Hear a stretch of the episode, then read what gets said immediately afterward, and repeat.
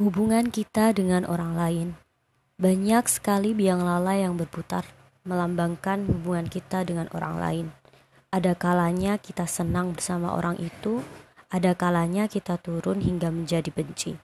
Perasaan-perasaan seperti itu pastilah ada, silih berganti. Ego yang tinggi akan mengalahkan kekuatan kepercayaan, melibas habis rasa-rasa sayang yang masih ditawarkan.